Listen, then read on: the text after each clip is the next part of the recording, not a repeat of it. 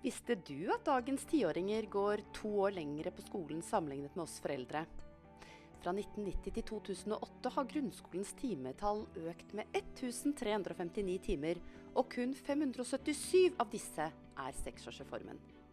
Norsk og matematikk har fått over halvparten av de nye timene, så sagt på en annen måte dagens elever har hatt like mye norsk og matematikk på barneskolen som du og jeg til sammen hadde fordelt på barne- og ungdomsskolen.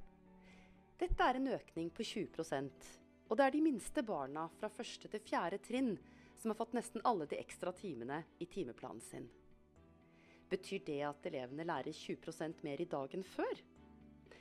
Vel, saken er den at denne utvidelsen i skoledagen til elevene ikke er evaluert. For dette ekstra skoleåret var det faktisk ingen som hadde hørt om. Ikke før skoleforsker Elise Farstad Jubedal, stipendiat i pedagogikk ved Institutt for lærerutdanningen på NTNU, som første i Norge begynte å forske på timeplaner. I doktorgradsavhandlingen som hun nå jobber med, har hun studert de politiske prosessene som har ledet til økningen i timetall. Derfor vet vi svært lite om hvordan dette faktisk påvirker læringseffekten hos elevene. Dette og mye annet skal vi snakke om i årets første episode av Meningsfylte møter. Podden som begynner der intervjuene vanligvis slutter. Og dagens gjest, ja, det er skoleforsker Elise Farstad Jubedal. Nei, det er ingen som har snakka om det. og De tallene du viser til der, det er jo endringene i norsk skolesystem fra 1990 til 2008. og Der skjedde utrolig mange endringer på kort tid. Altså Det er jo bare 18 år, kan vi si. Men det skjedde veldig mange endringer. og Nå snakker vi jo mye om Reform 97, som gjorde at eh, skolestart ble senka fra sju til seks år. da, Eller for noen så er de jo også fem. Og mm. Der kom det jo selvfølgelig mange timer for det ble lagt til et helt skoleår. Men som du sier, så var det bare rundt 500 av timene som kom i 97. Det vi ikke har snakka om, det er at det har blitt lagt til veldig mye undervisningstid rett før Reform 97 og etter Reform 97. Da. Så det vil si eh, fra 1997, eller fra 2002 til 2008 kom det veldig mange timer da, i grunnskolen. Og nesten alle timene ligger på småtrinnet. sånn at vi, Jeg sier ofte grunnskolen, men, eh, for det har jo endra grunnskolen som helhet. Men det er først og fremst småtrinnet som er endra eh, mest da, gjennom de her timene. Ja, Da snakker vi altså fem-seksåringer opp til hvilken alder da? Vi snakker om de første fire trinnene, så det er jo da opp til elevene ti år. Sånn at uh, satt på spissen, så har jo da en tiåring i dag har jo hatt to år mer undervisning målt i timer da, enn f.eks. jeg har hatt. Og jeg er jo født i 1988, sånn at jeg er jo ikke utgammel i denne sammenhengen. Men likevel så har en elev i dag da, hatt to år mer undervisning eller gått to år mer skole i hermetegn eh, enn det jeg har gjort. da, For jeg har jo bare gått ni år i skole, mens dagens elever har gått ti år i. Eh, men i tillegg da har de hatt eh, et lass ekstra timer eh, som er forlenga hver eneste dag gjennom altså, de fire første årene. Det her er jo oppsiktsvekkende, og det, jo en, det høres ut som en skolereform. Og så er det ingen som, som har hørt om det før du kom ut med din forskning i fjor, 2022. Og du er jo midt i din doktorgradsavhandling også, du er jo ikke ferdig enda.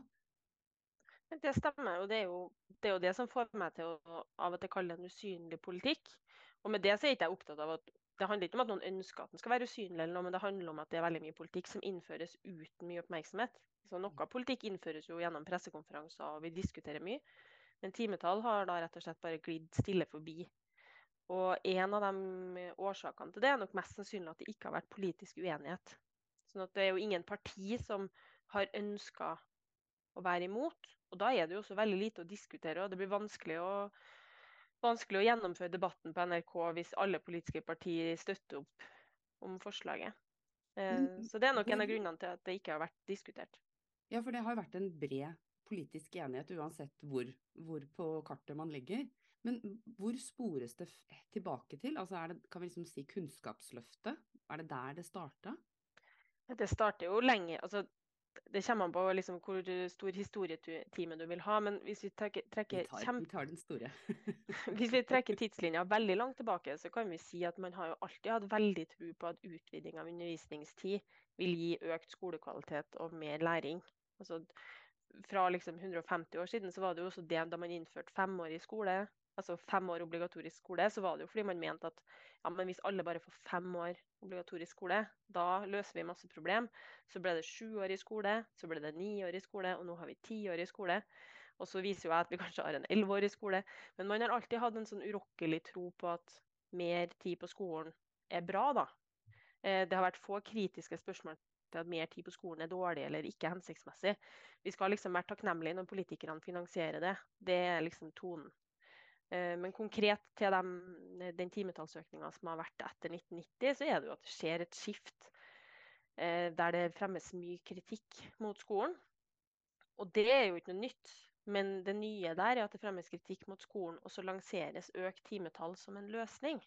For det er jo altså et, et, problem i skolen, eh, eller et, et, problem politikerne ønsker å løse, kan jo løses på utrolig mange måter. Altså sånn, andre forslag som har blitt lansert historisk, er jo gratis skolemat, ikke sant? høyere lærertetthet. Det finnes mange måter å løse problem i skolen på, men her ble da timetall lansert da i 1990 som en løsning på flere ting. Eh, og så siden da har det liksom vedvart. Har du, har du, funnet noe evaluering på om det har gitt en økt læringseffekt? Altså er det mindre frafall? Altså jeg tenker, hva, hva er, hva er um, det langsiktige målet? Det er jo å få flest mulig ut i jobb, uh, stå i samfunnet, være samfunnsborgere, uh, bedre helse osv. Men har man, har man, målt, har man liksom gått inn på et eller annet område og målt om det har gitt den uttellingen man ønsket? Timetallet er ikke evaluert. sånn det, det enkle svaret er jo at denne usynlige politikken har jo aldri blitt ettergått. eller det er jo ingen, Så det finnes jo ikke noen evalueringer som kan konkludere på det. Eh, men helt konkret det, eh, til det du spør om, da, så er det jo det blir et spørsmål om hvordan vi måler de her effektene. Det er ganske vanskelig. Men hvis vi ser på de eh, internasjonale og nasjonale kartleggingene som Norge er med på, så er det vanligste forskere pleier å si der, det er jo at resultatene over tid er slående stabile. At det er mer slående enn at det f.eks. går drastisk opp eller drastisk ned. Sånn at på tvers av at det skjer masse endringer i skolen, man innfører gratis SFO for å gjøre ditt og datt, eh, barnehagen endres ditt og datt, man legger til flere timer i skolen, så det mest slående er at testresultatene er ganske stabile over tid. Mm. Eh, sånn at hvis man da er statistiker, så vil man jo da få sånn matematisk så vil jo ikke timetall gi noe utslag på læring, fordi læringsresultatene er jo først og fremst stabile. De går jo ikke opp selv om timetallet har har gått opp. Og så er det selvfølgelig noen detaljer i det der. Man kan diskutere sånn kritisk grense på nasjonale prøver f.eks. Og der er det kanskje noen liksom, krusninger. Frafalls- eller fullføringsgraden i videregående har jo gått litt opp. Men eh, hva skyldes det? Det vet man heller ikke. Karakterene i grunnskolen har jo gått opp. Men lærerne rapporterer jo om at elevene kan mindre enn før. Altså bare sånn, Nå refererer jeg litt mer sånn til sånn svogerforskning, det jeg liksom hører lærere si. Det er jo ikke at elevene er liksom glitrende sammenlignet med før. Om noe så er det også stabilt, men karakterene går opp. Sånn at det er, liksom, det er vanskelig å si. Um, I noe av formidlinga mi så har jo jeg trukket fram at det er noen mer sånn psykososiale variabler og andre ting som går i litt som ikke er stabile. De går ned. Eh, og jeg mener at vi må ta det på alvor. Eh, jeg sier ikke at det handler om timetall, men jeg sier at timetall er en av mange endringer i skolen som eh, vi må stille kritiske spørsmål til og undersøke og granske, da, heller enn å bare ta for gitt at det er bra eller at det gir læring. Så det er jo litt sånn forskeren i meg som sier at vi må faktisk undersøke ting. Vi kan ikke bare konkludere med at flere timer i norsk gir bedre læring i norsk. Det blir for lett. Da må vi også spørre om det hvilke timer er det som har økt mest? Altså hvilke fag er det som har økt mest? Mm, litt sagt enkelt, hvis det er lagt til to år, da, to år med timer, så er et helt av de årene i norsk og matematikk. Eh, og så har jo grunnskolen består jo av 10-13 fag. Så det vil jo da si at to av fagene har fått halvparten av timene, sånn røftlig. Og så har de resterende fagene delt timene mellom seg. Der er det kroppsøving, vel, som har fått uh, mest timer av de resterende fagene. Uh, mens de andre fagene har fått liksom litt.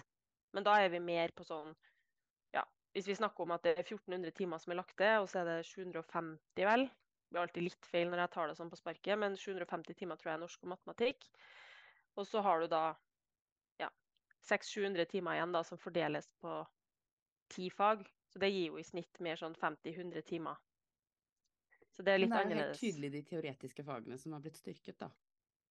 Ja, jeg vil faktisk si nei, det er ikke tydelig, fordi det er norsk og matematikk som blir styrka. Og Ja, det er veldig viktig, fordi sånn som naturfag eksempel, det sier jo mange sånn ja, men naturfag er viktig. og Samfunnsfag eh, det sier kanskje ikke folk er viktig, men det er også akademiske disipliner som ofte regnes som teoretiske fag. Engelsk. Men de Mm. blir ikke satsa på.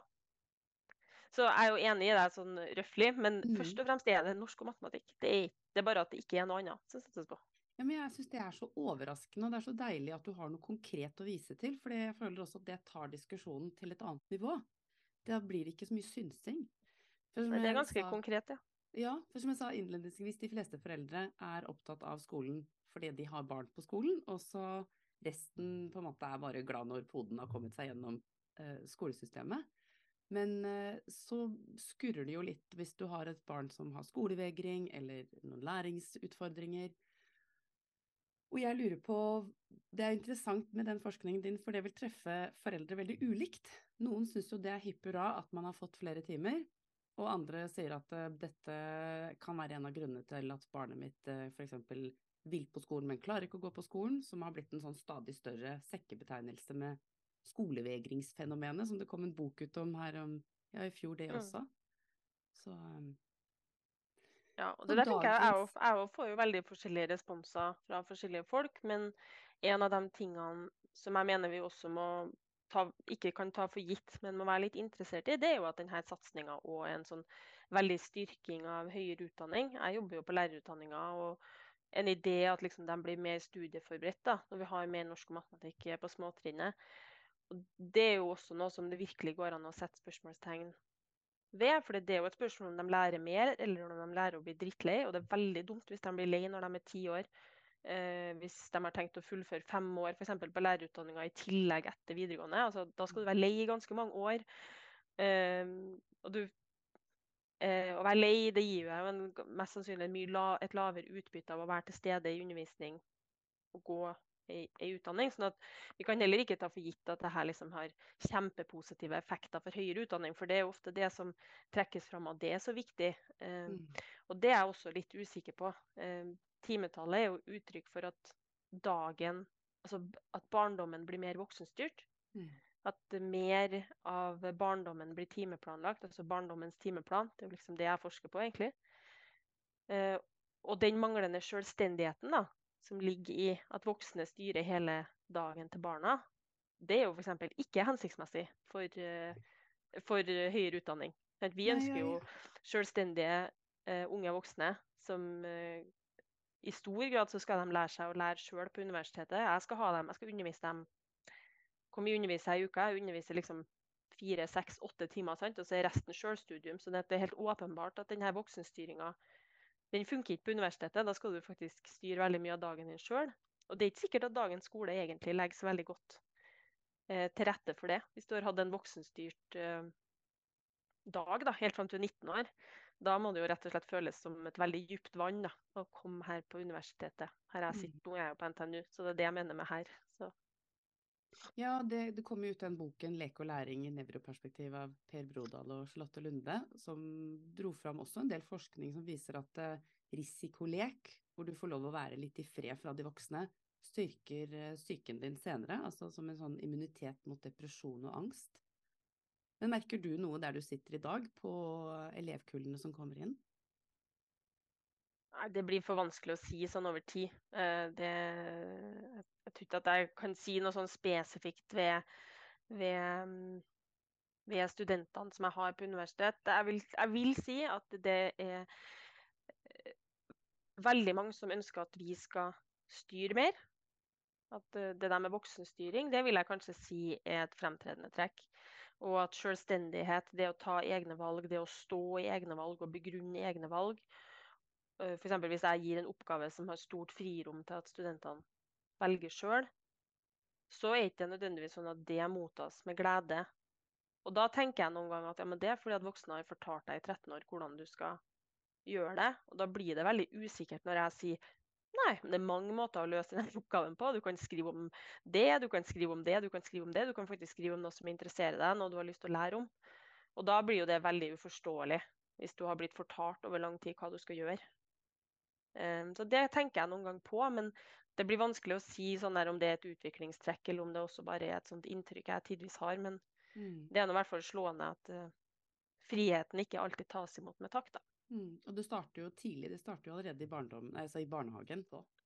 Men ungdomsskolen, den har du også undersøkt. Kunne du fortelle om, uh, om resultater du har hatt der? Du startet jo allerede på masterstudiet ditt.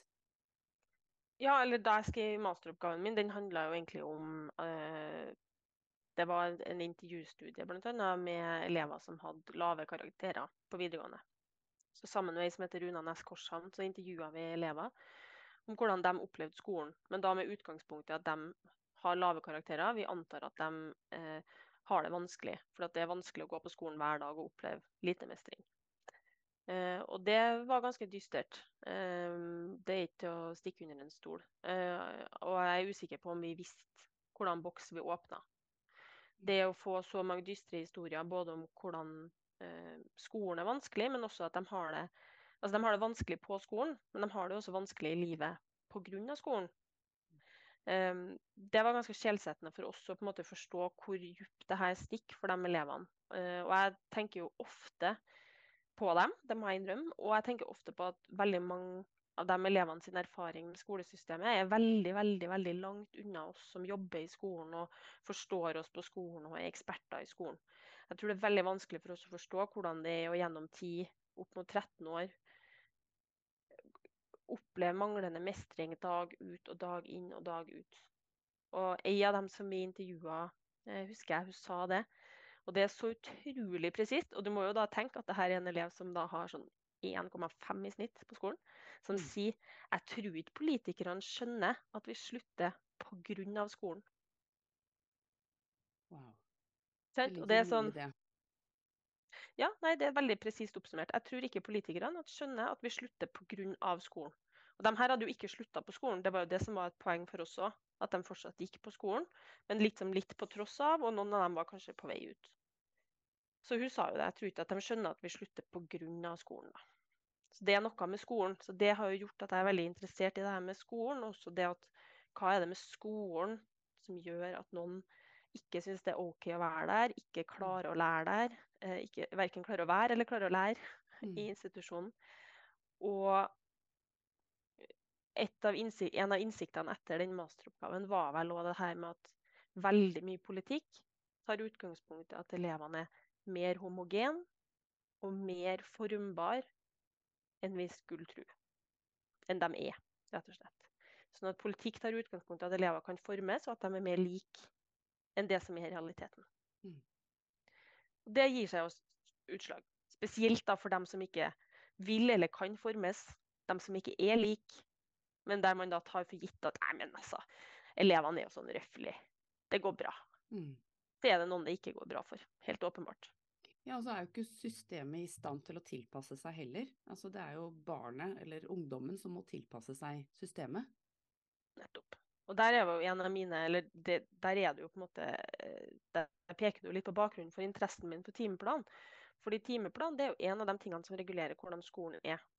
Eh, så skolen har jo et handlingsrom på visse områder, men i veldig sånn røftlig så er timeplanen det blir overført til skolen som et organiseringsprinsipp på antall timer og fag. Og, og, det er jo helt åpenbart at hvis timeplanen hadde sett helt annerledes ut, så hadde det vært noen eh, andre som mestra skolen godt.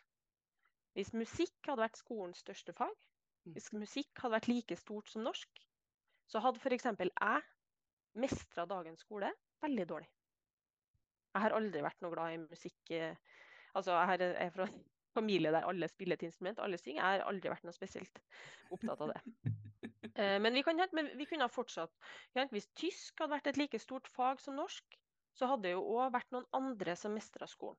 Og da hadde det også blitt noen andre, blitt noen andre vinnere og noen andre tapere. Hvis matematikk hadde hatt 80% av undervisningstida, så vi klarer helt gladelig å se for oss det her.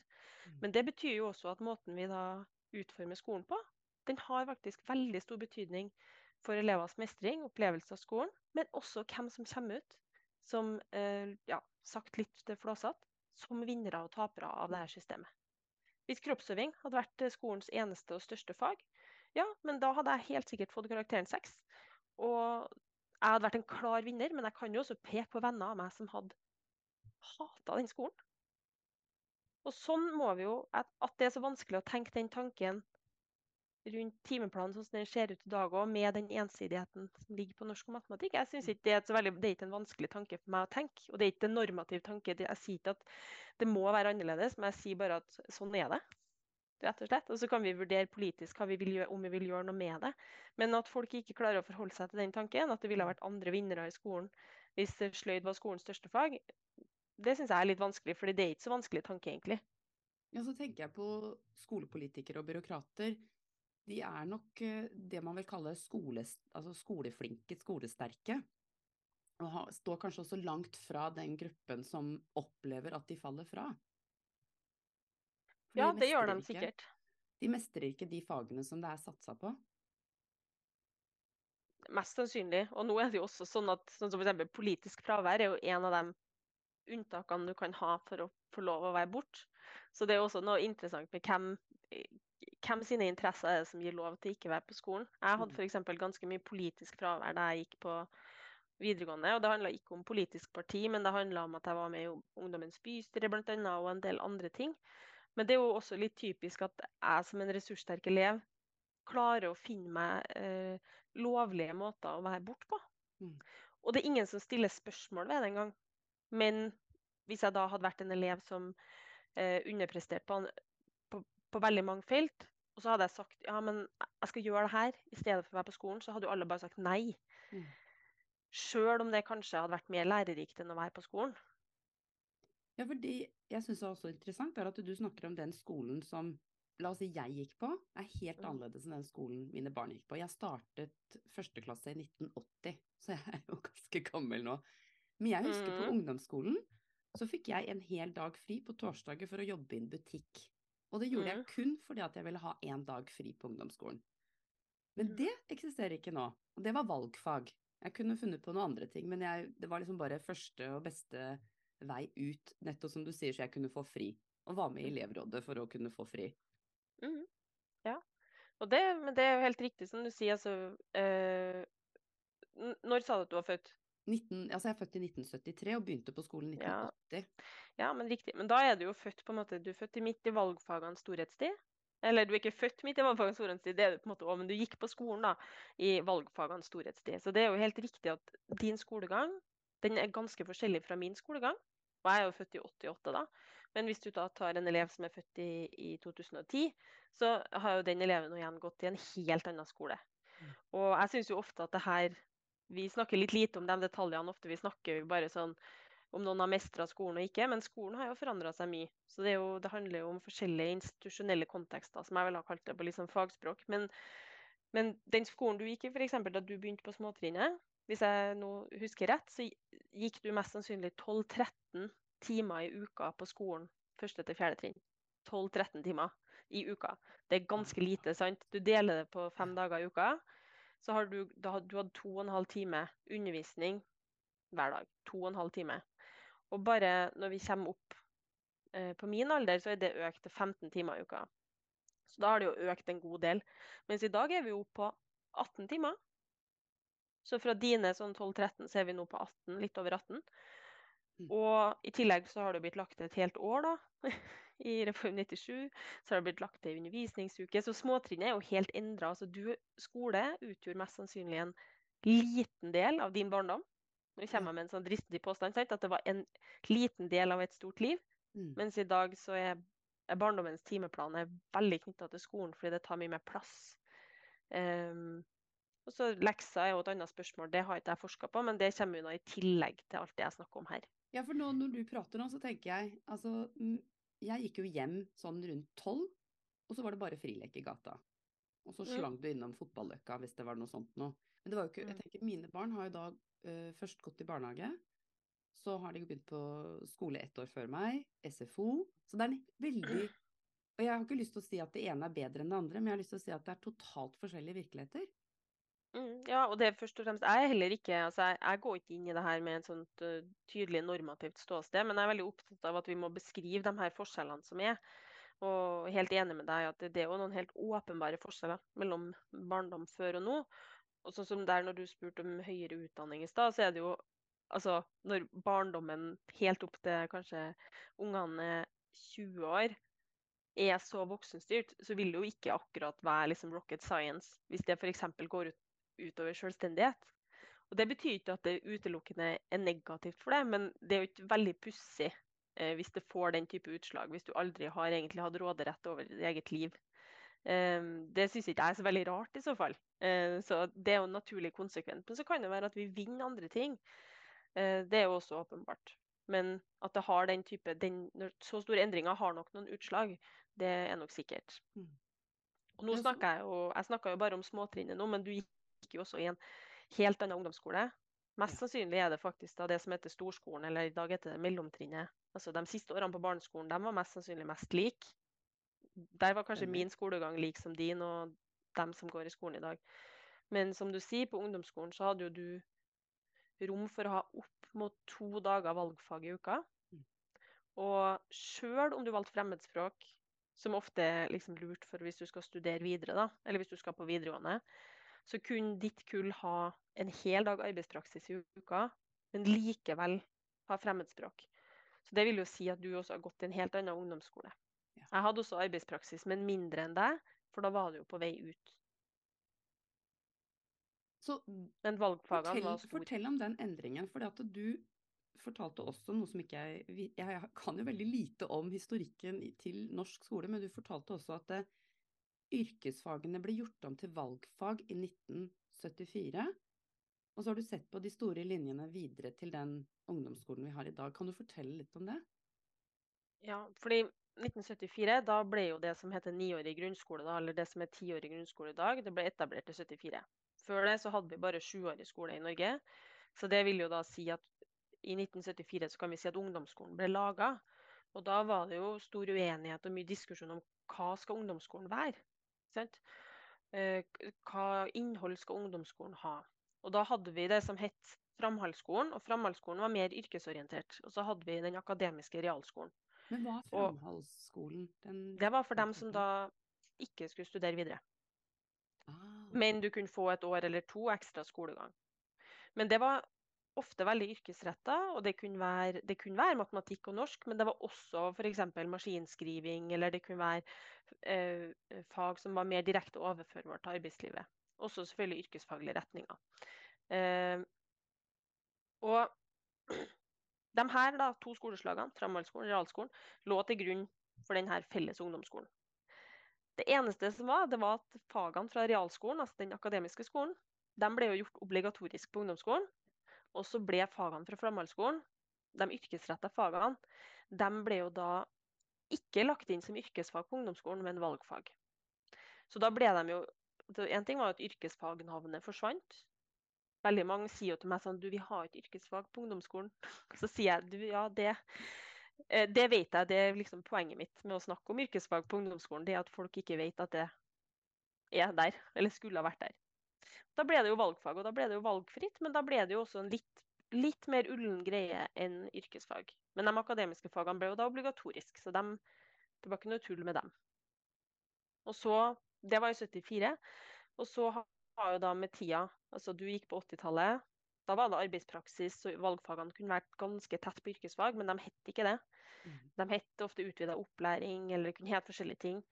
Og så ble valgfagene helt rensa bort i 2006, så vi trekker linja helt fram til dit. Eh, det var variert også på 90-tallet hvordan det ble gjennomført, men i 2006 ble det helt tatt bort. Og trekker vi linja til 74, da, så kan vi si at da er det den aller siste resten fra den yrkesretta delen av ungdomsskolen ble tatt vekk. Så da sto vi på en måte igjen da, med den akademiske delen. Og nå er jo valgfag gjeninnført, men med lavt timetall, eh, uklar ressurssituasjon.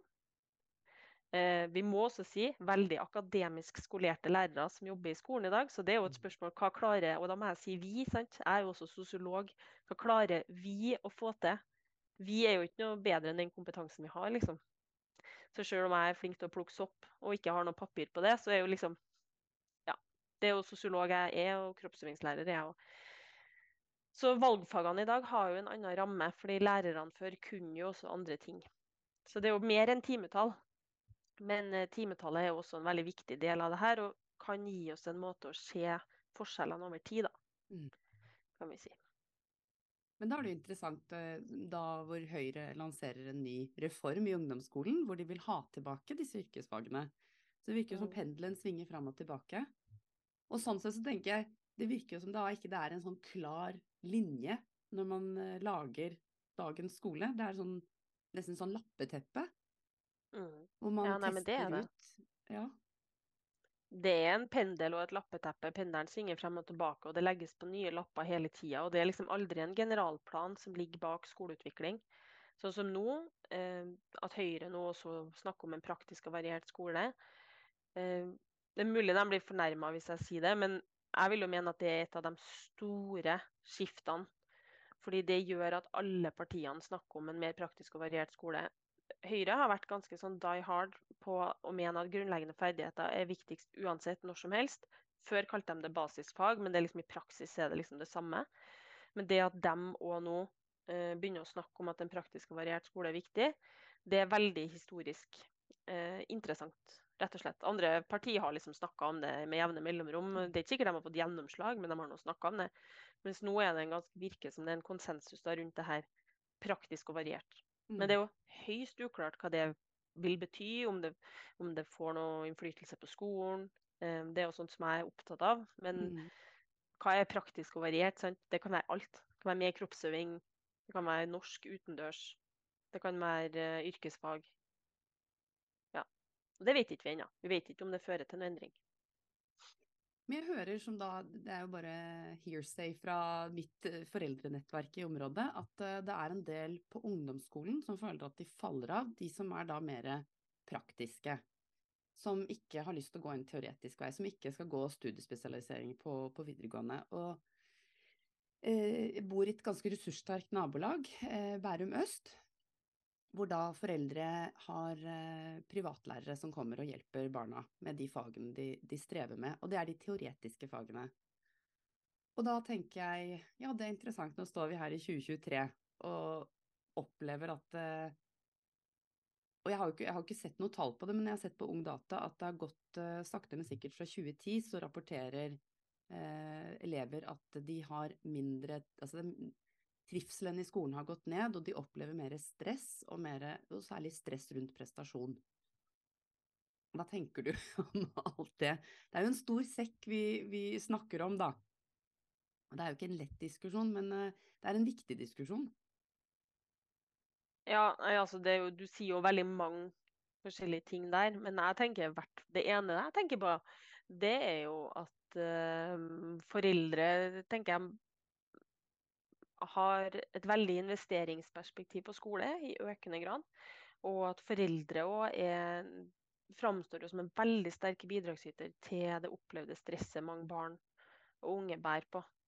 Eh, At når foreldre òg blir fanebærere for at det kommer til å gå ad undas med deg hvis du ikke har en god karakter i norsk, så er det jo noe interessant med hva, hva gjør det, også med egentlig hele barne- og ungdomstida di, når du vet at det, det ligger der. Eh, og så kan jo vi som voksne si at ja, OK, hvis du har tre i norsk, så det er vanskelig for deg å komme inn på psykologstudiet eller den type Mm. ting.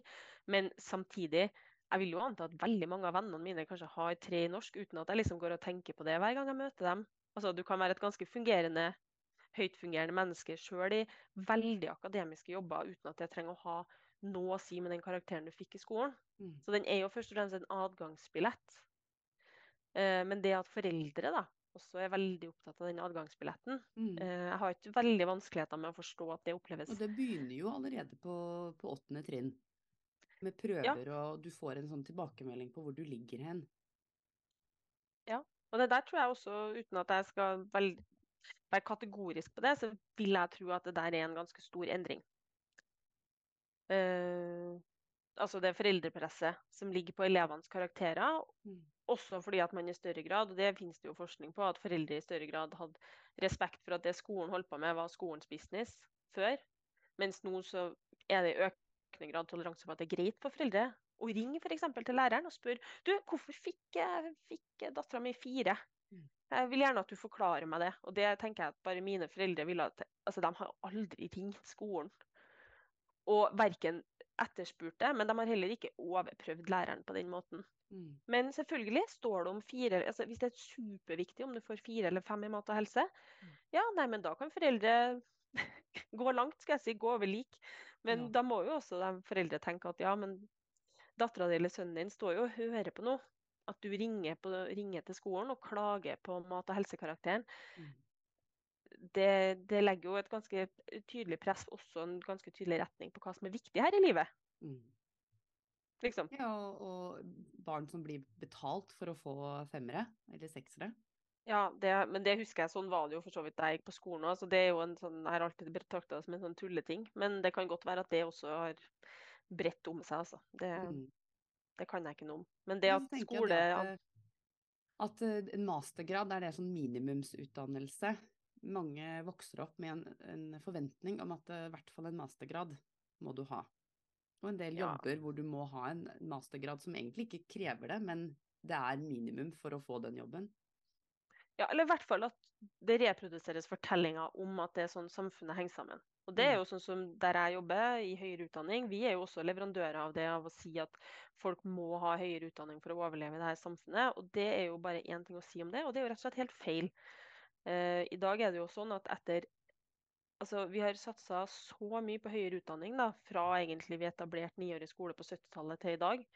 Og den dag i dag er det 36% av Norges befolkning som har høyere utdanning. De som har en mastergrad, det er jo 10 Sånn at jeg pleier å spørre studentene mine, da, lærerstudentene pleier å spørre sånn ja, Hvor mange Mm. prosent av elevene deres da tror dere skal ta høyere utdanning? Og da ikke sant? Fordi vi lever jo i vårt ekkokammer, så er det jo mange av mine studenter som svarer sånn «Ah, Jeg tror kanskje 80% jeg, skal studere videre. Og så det liksom, så tenker man at det er sånn marginal lita gruppe på bakerste rad. Som, ah, Mm. dem der skal sikkert gå yrkesfag. Og så er det sånn Fag og svennebrev er den mest vanlige utdanninga i Norge. Eh, og det snakker vi veldig lite om. Og det er det den dag i dag, i 2023. Nå er det sånn at det er Det her var ikke jeg klar over. Nei, ikke sant? Så det er 50% av Norges befolkning som har høyere utdanning hvis du måler fra 30 år og ned. Så det er jo helt åpenbart at det er i endring. Men hvis det er 50% under 30 år som tar høyere utdanning, så vil det jo si at det fortsatt er 50 som ikke har det. Mm. Og jeg syns det her er, det er veldig lite folkeopplysning eh, på dette feltet. Og jeg husker at jeg tenkte mye på de tallene her da jeg jobba i videregående. Fordi f.eks. For samfunnsfag, da, som er undervist på videregående, samfunnskunnskap heter det i dag, det som er liksom fellesfaget som alle elevene har. Hvis du skal innrette det faget etter at de skal studere videre, så får det noen veldig tydelige følger. Da jobber man mye med tekst, man jobber mye med akademisk tekst, og skriver tekst, argumenterende tekst. Men hvis man tenker at elevene her skal bli alt mulig rart, skal, noen skal studere, noen skal ikke studere, så får det jo helt andre føringer for det faget. Da vil det være like nyttig å lage en podkast. Kanskje burde vi dratt og besøkt eh, Nidar for å se hvordan ting fungerer i arbeidslivet. Um, nå er jo Nidar i Trondheim, da, derfor jeg nevnte det. Men Ja. kanskje vi skal dra Tine er også i Trondheim. Um, kanskje vi heller skal dra på bedriftsbesøk. Men så lenge man tror at alle sammen skal studere videre, så blir det jo utrolig akademisk tungt. Mm. Sjøl om kanskje ikke halvparten engang får bruk for det. Men hva tenker du på hun lille toåringen hjemme hos deg og hennes eh, skoleløp? Jeg er så utrolig lite bekymra for det når hun har foreldre som har så høy utdanning. Det er jo det som er det veldig ubehagelige med skolesystemet. Og det er jo det også veldig ressurssterke foreldre burde egentlig slappe av med. At det, det, det ordner seg jo helt fint, fordi forskning viser jo at ordforrådet ditt det bare smitter over på andre, og så får du et veldig liksom, språksterkt barn som mestrer skolen. Eh, og det er jo det som er ubehagelig å vite, at sånn er det. Og at barn som da jobber, vokser opp i et mindre språkstimulerende miljø. Og det handler overhodet ikke bare om at man har et annet morsmål. fordi å ha flere morsmål, eller ha et annet morsmål enn norsk, det vil jo bare rett og slett si at du språkstimuleres en masse, altså masse, liksom. Mm. Så det vil jo mest sannsynlig ordne seg når du blir eldre, og da får du mange funksjonelle språk. Men du blander når du er liten. Men jeg tenker først og fremst på barn som vokser opp i et veldig lite språkstimulerende miljø. De ikke prater noe. Og det er også ganske vanlig. Men det er veldig eh, Skolen sånn som den er i dag, da, den gir veldig lite verdi til den type oppvekst. Og da er det jo også et spørsmål om skal vi endre de familiene, eller skal vi gjøre skolen sånn at den rommer de barna og de oppvekstene som finnes? Mm. Er det rettferdig at det gir f.eks. språksterke barn så store fordeler i skolen at du bare surfer gjennom? Um, ja, jeg mener i hvert fall ikke at det er rettferdig, men det er jo en politisk avgjørelse om man skal gjøre noe med det. Hva slags så... politikk ville du innført hvis det var opp til deg? Det er et godt spørsmål. Jeg ville i hvert fall ha tatt vekk fag- og timefordelinga for første trinn. Eh, sånn at man ikke hadde fagdeling eh, på første trinn. Hva betyr det helt konkret? Det betyr at eh, det som heter fag- og timefordelinga, det som jeg forsker på, det læreplandokumentet, det er et dokument der det står at f.eks.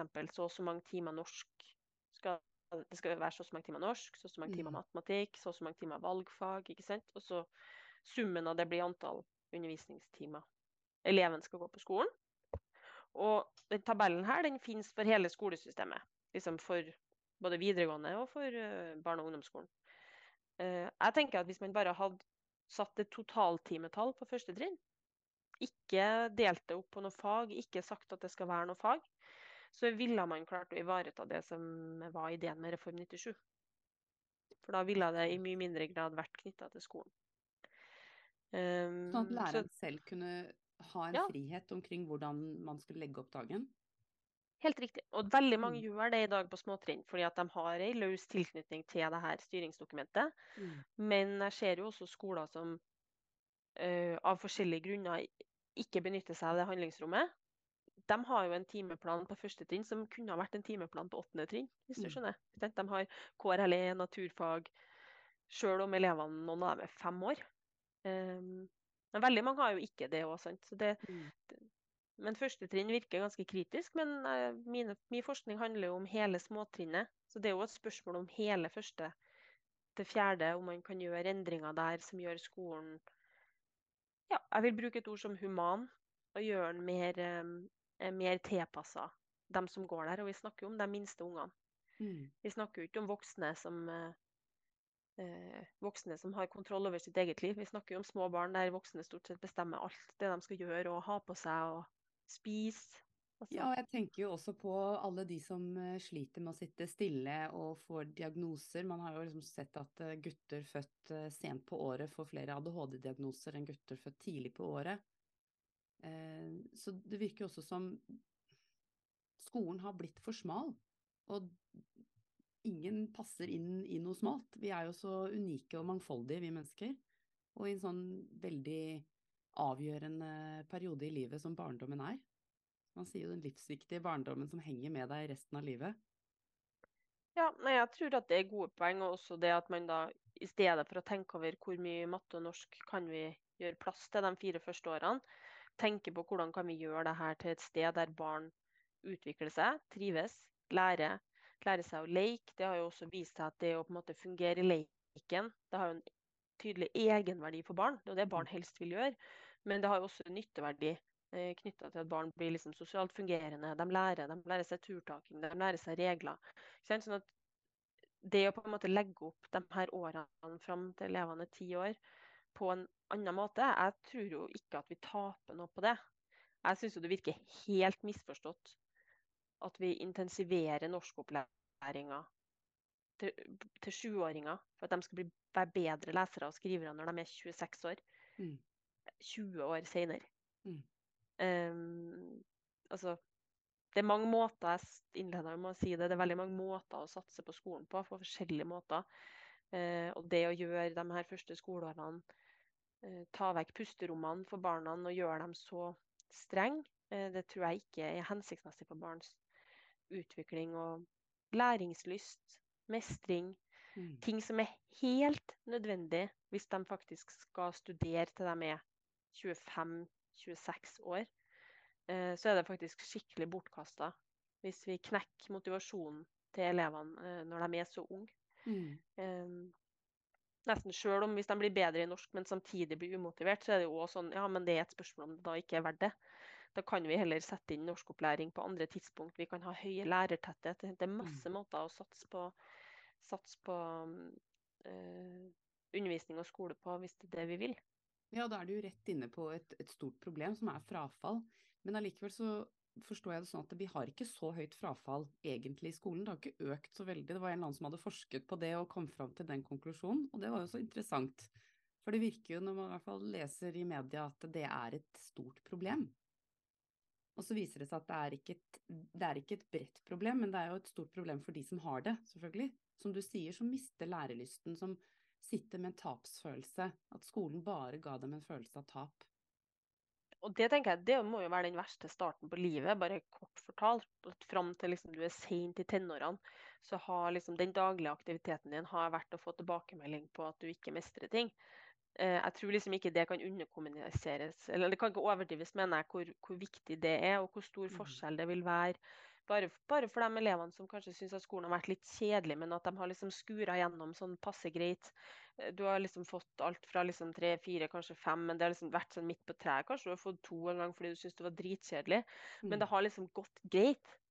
Forskjellen på det og det å hver eneste dag eh, oppleve nederlag, den er enorm. Og så kan vi også selvfølgelig legge til dem som da hver eneste dag higer etter å få seks, og at fem òg ikke er godt nok for det de har tenkt å gjøre, eller for det de har blitt fortalt at de skal gjøre mm. hjemmefra eller av andre, det er heller ikke en lett posisjon. Så da ender vi opp med at det er ganske vanskelig for alle sammen, selv om jeg tror mange i midten der kanskje har det egentlig greiest i dagens skole, da. Mm. Må jeg jo si. Men Elise, hvordan i verden kom du på problemstillingen? Altså, eller kom du på å lese skolepolitiske dokumenter? Det er ganske sært. Og så viser resultatet seg at du er den første forskeren som faktisk har telt antall timer i skolen. Ja. Ja, nei, det er et veldig godt spørsmål. Altså, jeg er jo interessert i det som jeg da jeg kaller det institusjonelle rammer, institusjonelle betingelser. altså Det som på en måte vi til enhver tid kaller skolesystemet. Sånn at når det skjer endringer i det systemet, fraværsgrense, hva som helst, så gir det jo seg utslag i at forskjellige elever mestrer og ikke mestrer denne institusjonen. Og Det har jeg vært interessert i gjennom hele utdanningsløpet mitt. Og, og det var jo også grunnlaget for masteroppgaven som eh, jeg snakka om i stad. Med sånn, hva er det med skolen som gjør at elevene ikke mestrer, mestrer skolen. Men det er eh, interessant at du som en så ressurssterk og skoleflink eh, person interesserer deg for det? Ja, men det, jeg, jeg, tror at vi kan fortelle forskjellige, fortelle, forskjellige fortellinger om, eh, om egentlig alle mennesker. da. For En fortelling om meg er jo at jeg har mistra hele skolesystemet ganske greit. Jeg begynte i høyere utdanning og innså ganske fort at dette får jeg faktisk til veldig greit. Altså At jeg kjente på universitetet at dette mestrer jeg, jeg får det til. Og, jeg, og det her er liksom, jeg fant meg på en måte sjøl på, på, Dragvoll. Og både den lesinga og skrivinga som liksom akademiske lesinga og skrivinga fikser jeg som tålelig greit.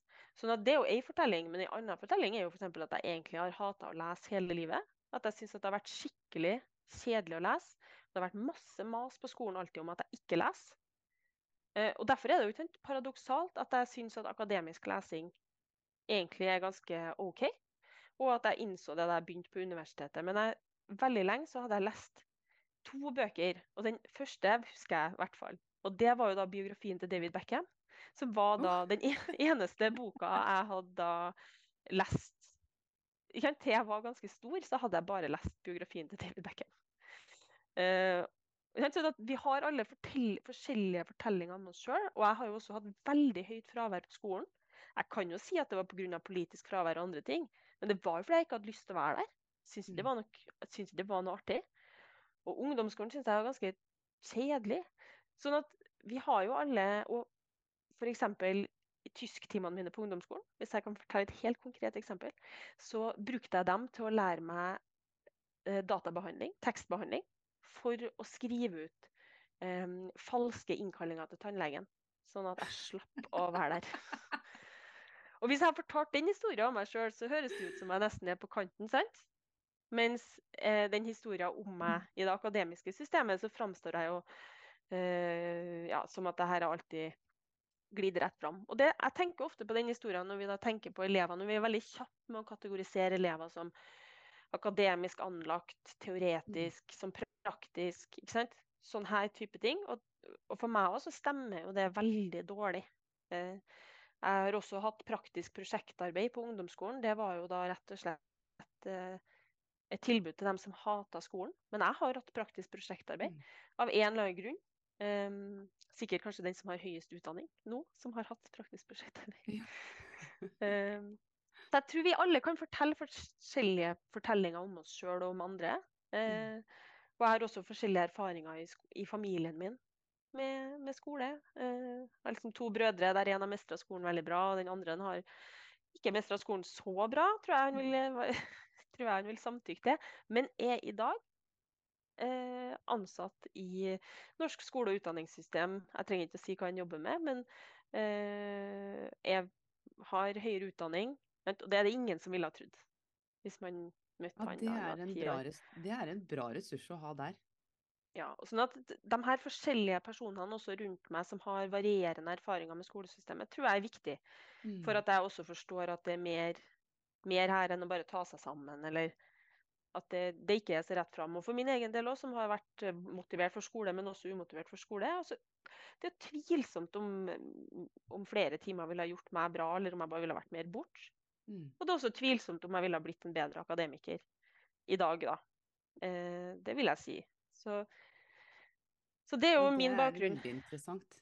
Det er det er nok min, eh, min bakgrunn for, eh, for det her. Men helt konkret knytta til det med timetall, da, så var det jo også fordi at jeg hadde en lærerstudent som spurte hvorfor matte var et så stort fag. Eh, og så sa jeg det at eh, det er et veldig godt spørsmål. Jeg skal prøve å finne ut til liksom neste undervisningsgang, da, uke etterpå. Og da skjønte jeg jo fort at det er lite forska på. Det var ikke lett å finne sånn raskt svar. Og så skjønte jeg òg at det var masse timeplaner og vanskelig å få oversikt av når jeg ikke kunne om det her. Men at det hadde vært endringer, det skjønte jeg tidlig. da. Så det gjorde faktisk at den neste undervisningsgangen jeg hadde med den klassen da, på lærerutdanninga, så hadde jeg printa ut de her gamle timeplanene fra skolen til lærerstudentene. Og så sa jeg det. Her, vær så god. Eh, Dere har en halvtime nå på å finne noen mønster. Fokuser på det dere vil. Enkeltfag, totaltimetall, små trinn. Bruk det dere kan, og finn, finn noen mønster i timetallet.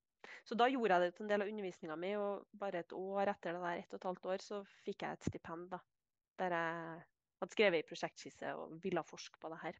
Mm. Så ja, det er, det er alltid forskjellige årsaker. det er alltid mange årsaker til at vi gjør det vi gjør, da, tenker jeg.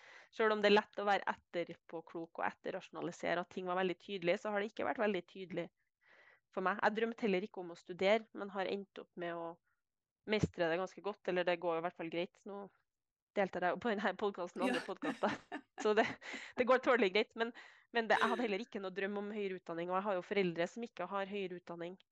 Um, eller mamma er sosionom, så hun har jo selvfølgelig høyere utdanning. Men det er ingen av dem som har høye akademiske, eh, teksttunge grader. Mm. Det er det ikke. Jeg må jo bare si at uh, forskningen din er eh, veldig viktig, og som jeg sa til deg innledningsvis, det er vel den mest interessante forskningen jeg har lest i 2022, for den var så overraskende, og så tenkte jeg det er så rart at ingen har gjort det før. Det er nesten litt sånn derre No shit, Einstein. Altså dette burde jo være en av de første tingene vi egentlig sjekka ut. Ja, jeg syns, jeg syns også Jeg er også overraska over det. Jeg er også overraska over at det som er et, etter hvert et stort fag, fagområde på lærerutdanning, da, det heter jo fagdidaktikk, altså fagdidaktikk i norsk, f.eks. i engelsk. Altså dem som på en måte jobber med norskfaget i skolen. da. Du Mm. kan skjønne liksom dem som forsker på det og sånn. Jeg er litt overraska over at dem ikke er opptatt av timer. Fordi de har jo på en måte det her skolefaget som det de forsker på. Mm. Sånn som f.eks. norskfaget, da, som har fått så mange timer. Um, jeg hører jo ofte lærere si at de har dårlig tida.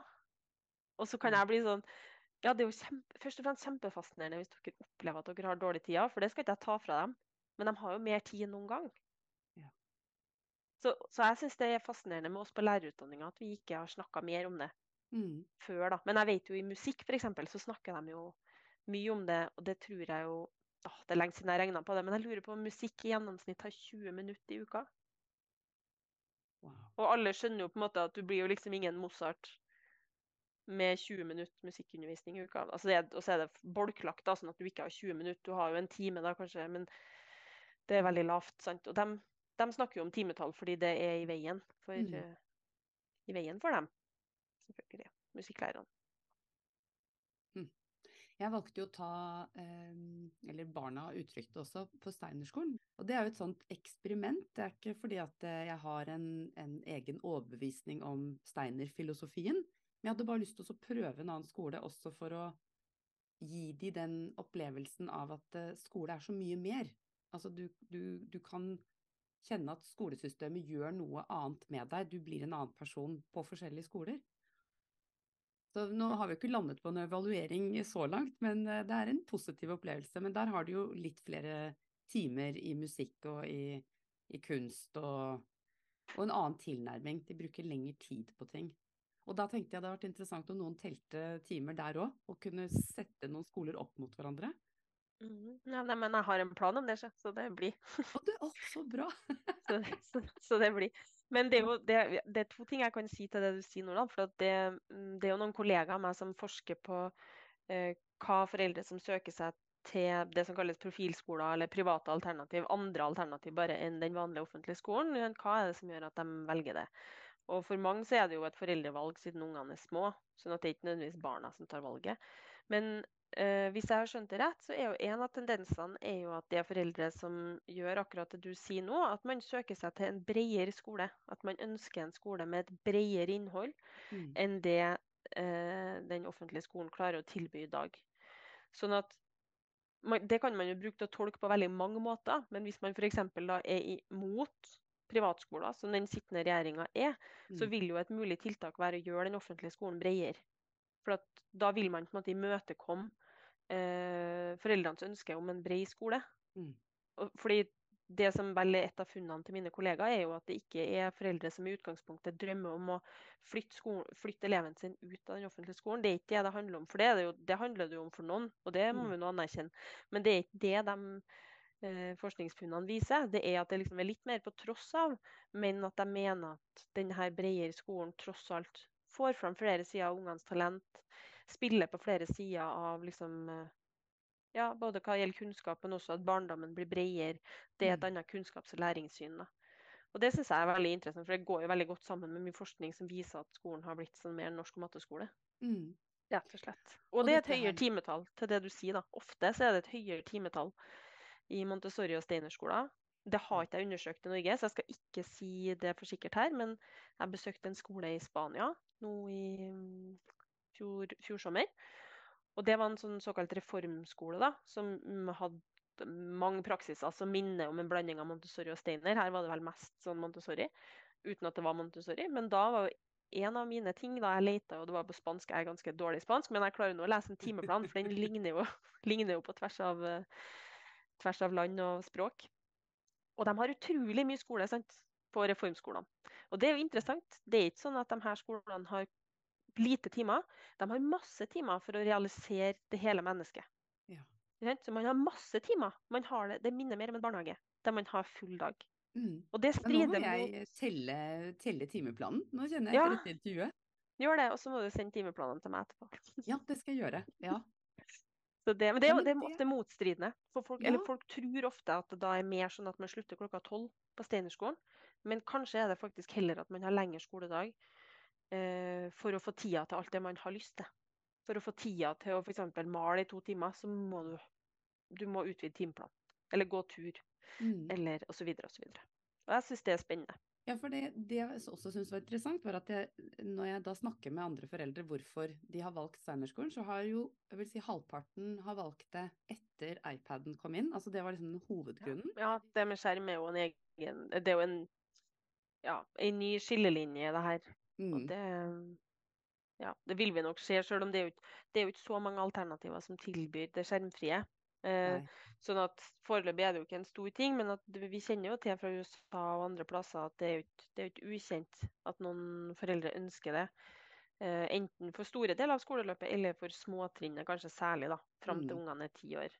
Så, eller på første trinn. Så er det mange mm. som ønsker skjermfri. Mm. Og hvis jeg, jeg, kan jo si en litt morsom ting. altså Jeg er i utgangspunktet egentlig litt eh, fan av skjermfrihet, må jeg jo si. Men de metodene som jeg bruker i mye avhandling, de ville ikke vært mulig med dårligere datakunnskap enn jeg har, men heller ikke med dårligere data, data og datamaskiner enn vi har i dag. Fordi jeg jobber jo i arkiv med veldig store arkivmaterialer. Og der jeg da har f.eks. konvertere PDF-er til søkbare dokument, sånn at jeg kan liksom jobbe på en måte med veldig store dokumentmaterialer delvis digitalt da, og delvis veldig mye manuelt òg, men at jeg kan liksom støtte meg hele tida på det digitale.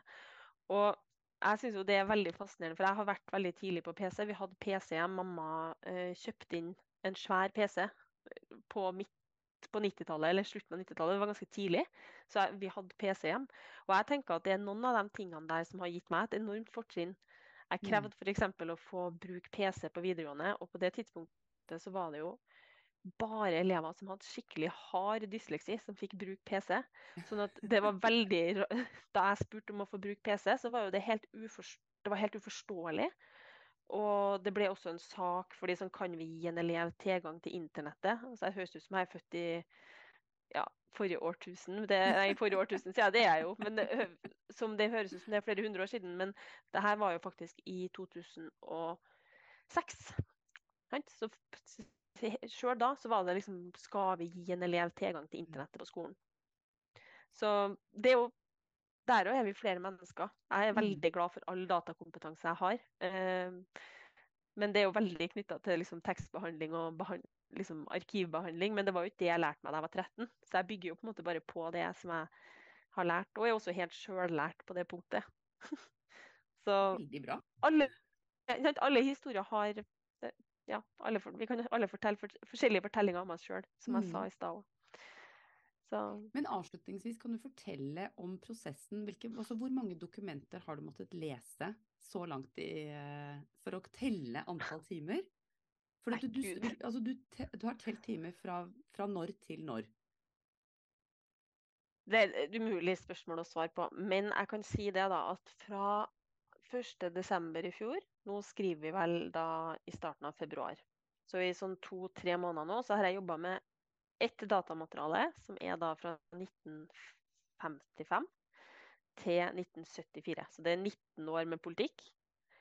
Og i det, bare den perioden så har jeg sikkert uh, flere hundre dokument som jeg liksom leser opp og ned da, for å prøve å forstå hva det er som skjer.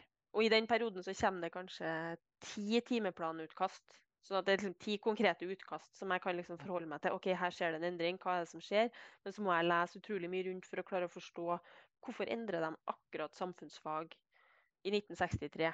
Hva, hva er det med liksom samfunnsfag? Er det noe med samfunnsfag, eller er det egentlig noe annet? Dette er jo arbeid, Arbeiderpartiet-skole. Altså de, det var jo de som satt Ja, da var det det. Med, ja.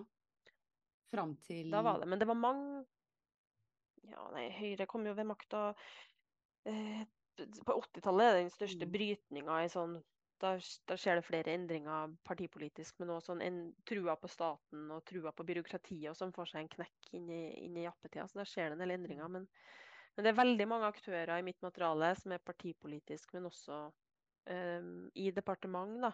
Uh, Utdanningsdepartementet, da heter Kirke- og undervisningsdepartementet. Da, mm. Det har jo alltid vært et veldig stort departement. Og med mange forskjellige avdelinger sant? og forskjellige sånne råd, som det het. Og du kan jo se for deg, som med andre arbeidsplasser, så er det jo forskjellige meninger og forskjellige hensyn innad når det er mange hundre ansatte. Mm. Så det prøver jeg også å nøste i, men det er vanskelig. Og det, det krever også tilgang til arkiv og Ja. Men metodene mine er ja, det er faktisk et skikkelig gravearbeid. Og en kollega av meg sa det at eh, på det enkle svaret på hvorfor dette ikke er gjort før, eh, det er fordi det er drittkjedelig. Men med det så mente jeg jo at det er et veldig pirkearbeid. At, ja. Jeg kan ikke bare si at Gerhardsen kom til makta, og så ble timeplanen i skolen endra. Det er liksom 1000 mellomregninger fra det ene til det andre, eh, mm. som handler om veldig mange ting. Det handler om kommunepolitikk, og det handler om skolens innhold, men det kan også handle om skyssordning. Ikke sant? Det er masse ting som spiller inn på timeplanen i skolen. Eh, som jeg ikke kunne da jeg starta. Jeg visste ikke at det var så sammensatt. Så jeg men har du blitt kontaktet i forhold til nye læreplaner, eller? Jeg tenker jo at du hadde vært en sentral person der. Det er ganske mange som tar kontakt, ja. Så det er også helt åpenbart at det som jeg nå har lært meg sjøl, eller liksom den læringa for min del som har vært den doktorgradsprosessen her, eh, at det er kunnskap som mange er interessert i, og det er en kunnskap som da Det stemmer at det ikke er så mange som kan det. At det er ikke så mange å spørre f.eks. om valgfagenes historie. Du har ikke 20 forskere i Norge som kan sitte og snakke om valgfagenes historie. Har, jeg kan gjøre det, men du har sikkert noen andre som indirekte kan noe om det. Men det er ikke så mange som kan si noe om det. Endring i timeplan på småtrinn. Det var masse gode forskere på småtrinnet i barneskolen. Masse barnehageforskere, masse leikforskere, mm. masse overgangsforskere, som det heter. Overgang fra barnehage til skole. Men akkurat mitt materiale er det jo ingen andre som har samla inn. Og sånn er jo ofte forskning, at du har en puslespillbit som du er alene om. Mm. Eh, men her er det jo litt spesielt at det er ingen andre som har plukka opp, opp, det med timetall. da. Det kan vi jo si er litt eh, Det, ja, det du kaller den stille skolereformen, som da derfor ikke har blitt mm. evaluert heller? Ja, og ikke diskutert. Ikke, mm. den rop, det roper ikke på oppmerksomhet. Får ikke noe oppmerksomhet. Nå har det fått litt oppmerksomhet, da. Ja, men jeg savner faktisk en større, og særlig en politisk diskusjon om det her. Og at foreldre Jeg tenker jo dette her er jo en, en, en podkast som jeg tenker spesielt til foreldre. Mm. Eh, som ikke vet, vet, om det. Ja, ikke har lest det... akkurat det intervjuet eller hørt på den podkasten. Ja, og der kan jeg, hvis jeg kan si en ting der, så leste jeg nettopp den boka til Charlotte Lunde og Per Brodal om eh, lek og læring i et nevroperspektiv, som jeg for øvrig anbefaler veldig. Ja. Jeg deltok på noen arrangement med dem i forrige uke. Og da Det som de bl.a. skriver om, det er jo at voksne ikke klarer å verdsette eh, barns egenorganiserte tid som verdifull. Altså at vi tenker at den tida barn har alene, den er up for grabs. Altså Vi kan egentlig ta den, og så hvis vi tar den, så putter vi noe meningsfylt inni den. Men vi klarer ikke egentlig å se for oss at ungene sjøl fyller tida med noe meningsfylt. Og det gjør jo at det er veldig lett for oss voksne å ta ungene sin tid. At de sitter bare og holder på med noe lell. Mm. Eh, kanskje de heller skal begynne på eh, korps, sånn at de lærer seg noe. Men så kan det jo være at det de egentlig sitter og holder på med, er å lære seg rytme sjøl. Det er jo ikke så uvanlig at barn gjør det. Klapper til sanger synger. Men så tenker vi liksom at vår måte å lære på, vår måte å melde på aktiviteter, det er mm. det som gir læring mm. og utvikling. Og så ja, er vi innlemmes i, i, samfunnet, de skal lære seg sosiale spilleregler osv. osv. Ja, og vi vil ikke at de skal Nå er det jo også mye sånn at vi vil ikke at de skal henge etter. Men så er det jo et spørsmål om denne barns egenorganiserte tid, da, som eh, Charlotte Lunde og Per Brodal snakker mye om. At den er egentlig det aller mest verdifulle. Det er bare at vi voksne ikke klarer å anerkjenne det, fordi vi tenker at det vi holder på med, er så verdifullt. Mm. Så derfor så styrer vi og ordner veldig mye. Og Det tenker jeg er viktig i sånn foreldreperspektiv, hvis det er en podkast til foreldre. At uh, det å klare å fortelle oss sjøl at når ungen bare holder på med et eller annet som mm. ser helt meningsløst ut, vi må jo være enige om det, at det kan se helt meningsløst ut for oss voksne. De holder på med en rolleleik der det Kanskje søppelbøtta er en drage. ikke sant? Det er fantasi. Og vi tenker å, herregud, skal vi melde på ungen på håndball i stedet? Ja, men så er det kanskje er det faktisk vårt valg som ender opp med å være et Ikke kanskje et tap, men uh, det er våre valg da, som er gode intensjoner. Ikke sant? Alt er gode intensjoner, men mm. som kanskje eh, spiser opp seg sjøl, eller ikke er til det mest hensiktsmessige for barnet. Ja, det vil jeg si er fantastiske avslutningsord, altså. Virkelig. Takk. Bra.